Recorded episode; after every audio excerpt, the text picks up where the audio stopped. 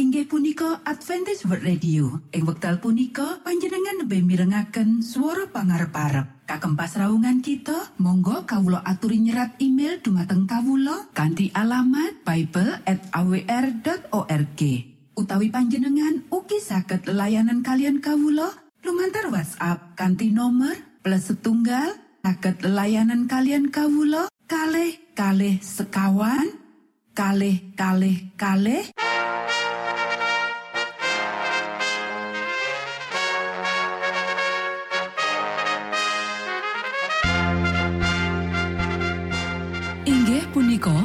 Adventist World Radio ingkang giaran kanti basa Jawi. Tentrem Rahayu Kulo aturaken kagem poro Mitra kinasih ing pundi papan lan panggonan. Sugeng pepanggian malih kalian Adventist World Radio. Kanti bingahing manah Kulo badi sesarengan kalian poro Mitra kinasih lumantar saperangan adicara ingkang sampun rinonci mligi kagem panjenengan sami. Mugi giaran punika saged migunani tuen dados berkah kagem kita sedaya. Sugeng midhangetaken Gusti amberkahi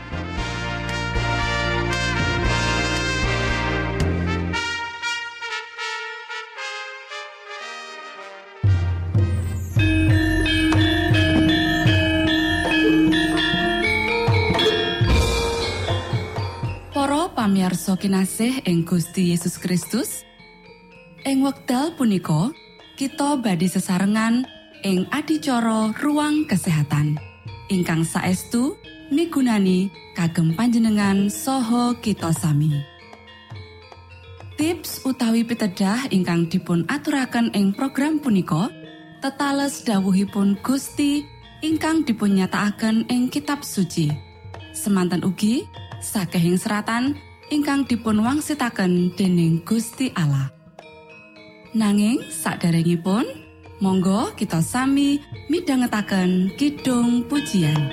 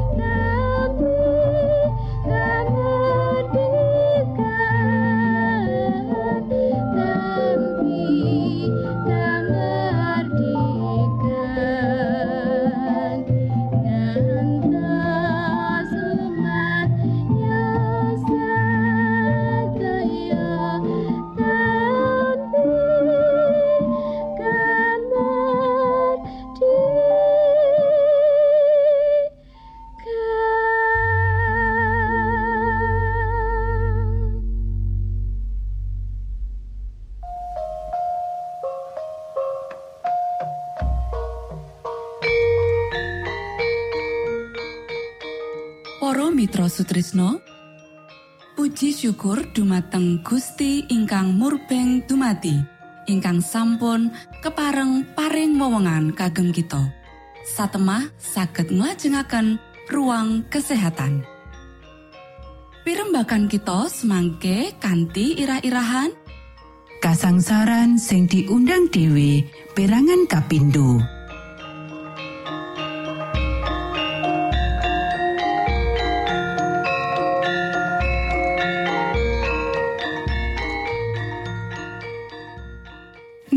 Dumateng para pamiarsa ingkang dahat kinurmatan sugeng pepanggian malih kalian kula Isti Kurnaidi ing adicara ruang kesehatan ing dinten punika kanthi irah-irahan kasangsaran sing diundang dewe perangan kapindo Para sedherek ingkang kinasih akeh sing sengsara akeh uga sing mlebu sakjroning kubur amarga pemanjaan selera.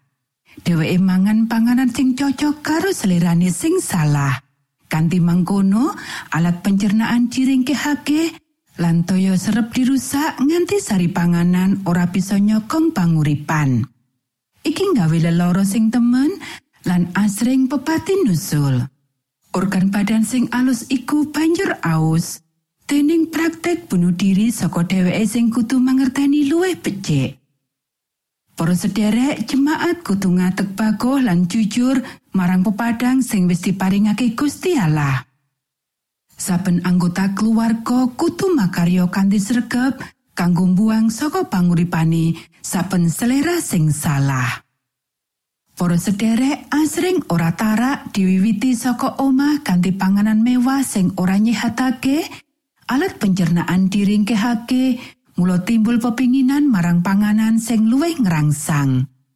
Mula selera iku dididik kanggo terus menginake sangu barang sing luwih ngerangsang. Kepinginan marang bahan perangsang luwih asring timbul lan luwih angel ditolak.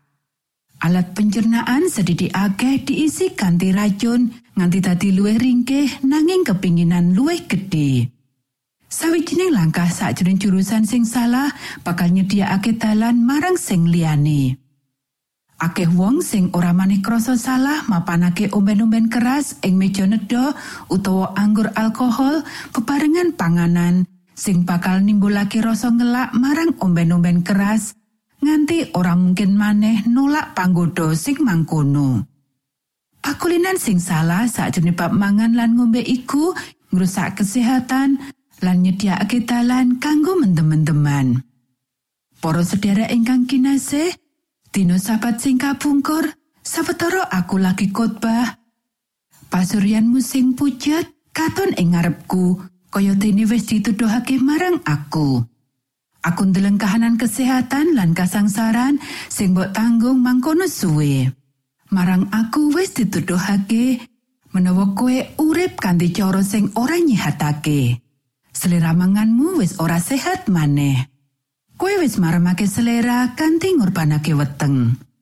Kowe wis nglebokake menyang jero wetengmu bahan panganan sing ora mungkin bisa diolah dadi getih sing apik. Iki wis nyelihake beban abot kanggo liver amarga alat pencernaan wis keganggu. Sedulurku sakloron duweni loro liver. Reformasi kesehatan bakal nggawa kauntungan gede marang kowe sakloron menawa kowe nglakokake kanthi kenceng.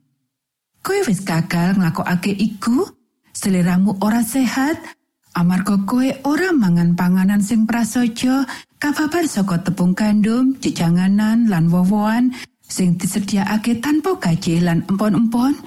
Mula kowe tansah nerak angger-angger sing Gusti Allah wis tetepake sakjroning badanmu. Sawetara kowe nindakake iku, kowe kudu nandang hukumane. Amarga kanggo saben paneraan ditemtokake sawijining hukuman.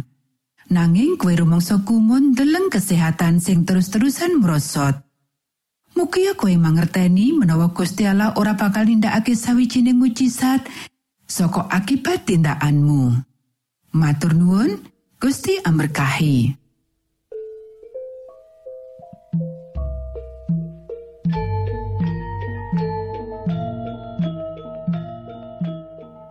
Cekap semanten pimbakan ruang kesehatan ing episode dinten punika.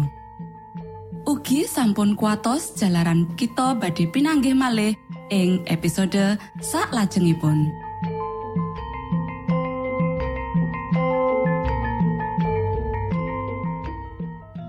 Inggih punika adicara ruang kesehatan. Menawi panjenengan gadah pitakenan utawi ngersakaken katrangan ingkang langkung, Monggo Kulo aturi. Kinton email dateng alamat ejcawr@ gmail.com utawi lumantar WhatsApp kanti nomor 025 pitu 00 songo songo papat 00 pitu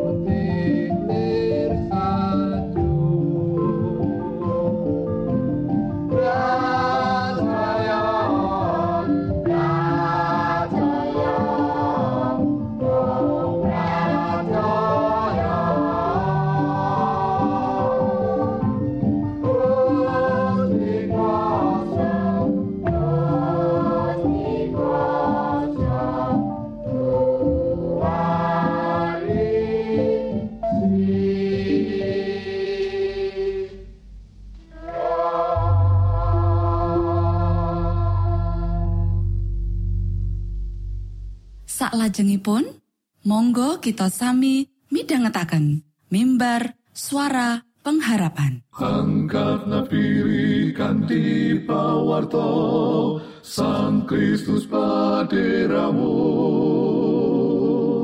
Pro umat samyo puji asmanyo Sang Kristus paderamu. Inggih punika mimbar suara pengharapan. Ing episode punika kanthi irah-irahan Percaya ing wektu susah. sugeng midhangetaken. Sang Kristus paderamu ilmu kawero tambah tambah Sang Kristus paderamu paderamu paderamu Sang Kristus paderamu Shalom para sedherek ingkang kinasih wonten ing Gusti. Sakmenika kita badhe mitangetaken renungan Sabda pangantikanipun Gusti. Ing dinten punika kanthi irah-irahan percaya ing wektu susah. Para sedherek ingkang kinasih, saben wong Kristen mangerteni lan nate ngalami ing wayah semplah lan nandang kasangsaran. Ing wayah nalika wong-wong iku padha kodeng, apa kang katentokake dening Gusti Allah utawa kena apa Gusti Allah marangake kahanan kasebut kedadian. Sang juru Mazmur dhewe uga ngalami bab kang padha. Lan lumantar pamedaring wangsit Gusti Allah, wong-wong iku padha nyerat kang wis kaalami. Ayo diwaca kitab Sabur pasal petang papat ayat siji nganti songo. Kanggo lurah pasinden saka Bani Korah, Kidung Piwulang. Duh Allah, kawula sampun mireng piyambak saking para leluhur kawula ingkang sami nyariosi Bapak karyan ingkang sampun paduka tindakaken kala jamanipun inggih kala jaman kino. Bangsa sanes sampun sami paduka tundung piyambak kalian asta paduka nanging para leluhur sami paduka tanem.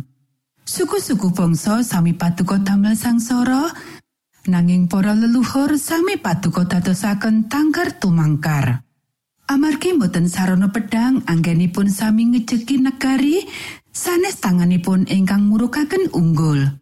Nanging asta paduka tengen Bau paduka saha cahyaning wadana paduka sabab sami damel rena paduka. Inggih paduka piyambak punika ingkang jumeneng dados raja saha ala kawula ingkang dawuhaken kaunggulanipun Yakub. Kanthi pitulungan paduka kawula saged ngerpahaken mengsah. Sarto maki saking asma paduka kawula saged ngilesiles para tiang ingkang lawan kawula. Amargi sanes panah kawula ingkang kawula andelaken, sanes pedang kawula ingkang ngurukaken unggul.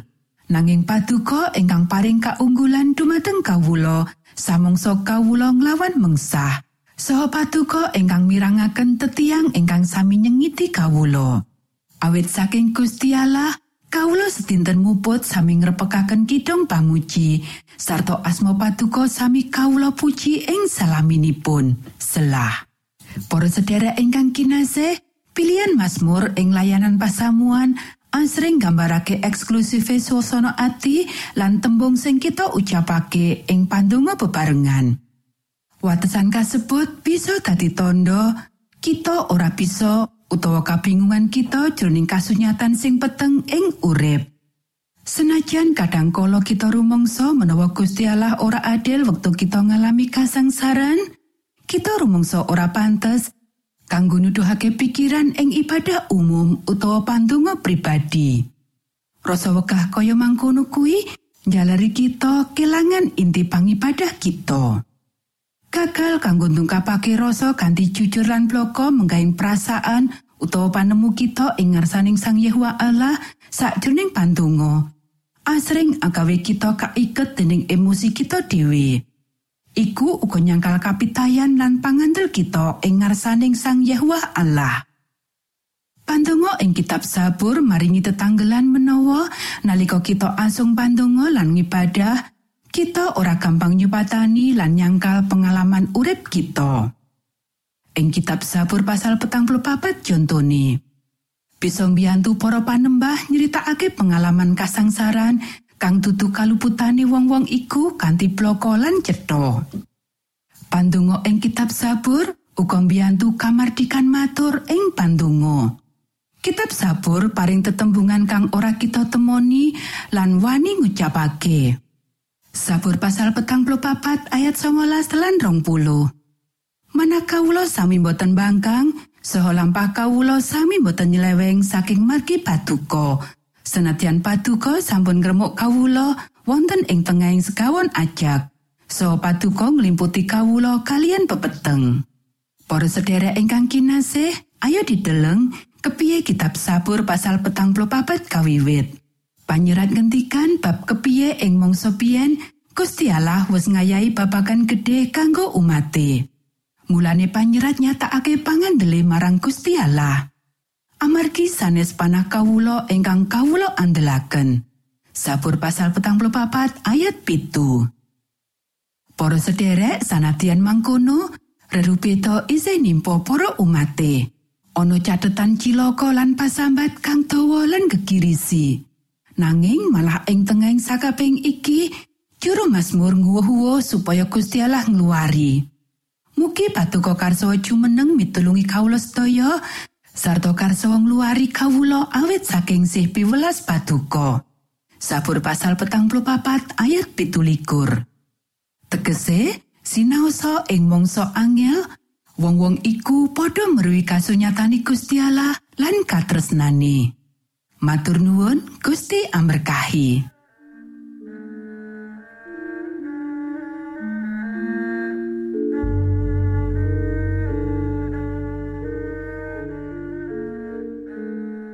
Mitra Sutrisno pamiarsa kinasih ing Gusti Yesus Kristus. Sampun paripurno pasamuan kita ing dinten punika.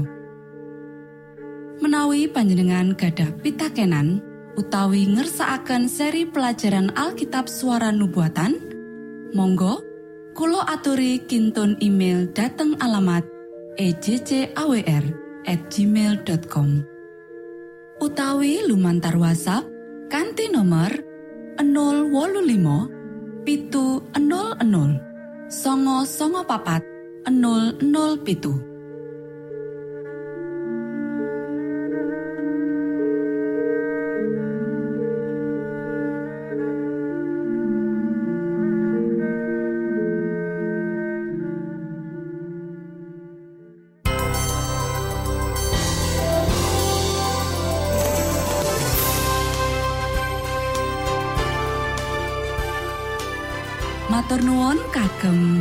wektalipun kita badhe pinanggih malih ing gelombang ugi wekdal ingkang sami. Saking studio kula ngaturaken tentrem rahayu. Gusti amberkahi kita sedoyo Maranata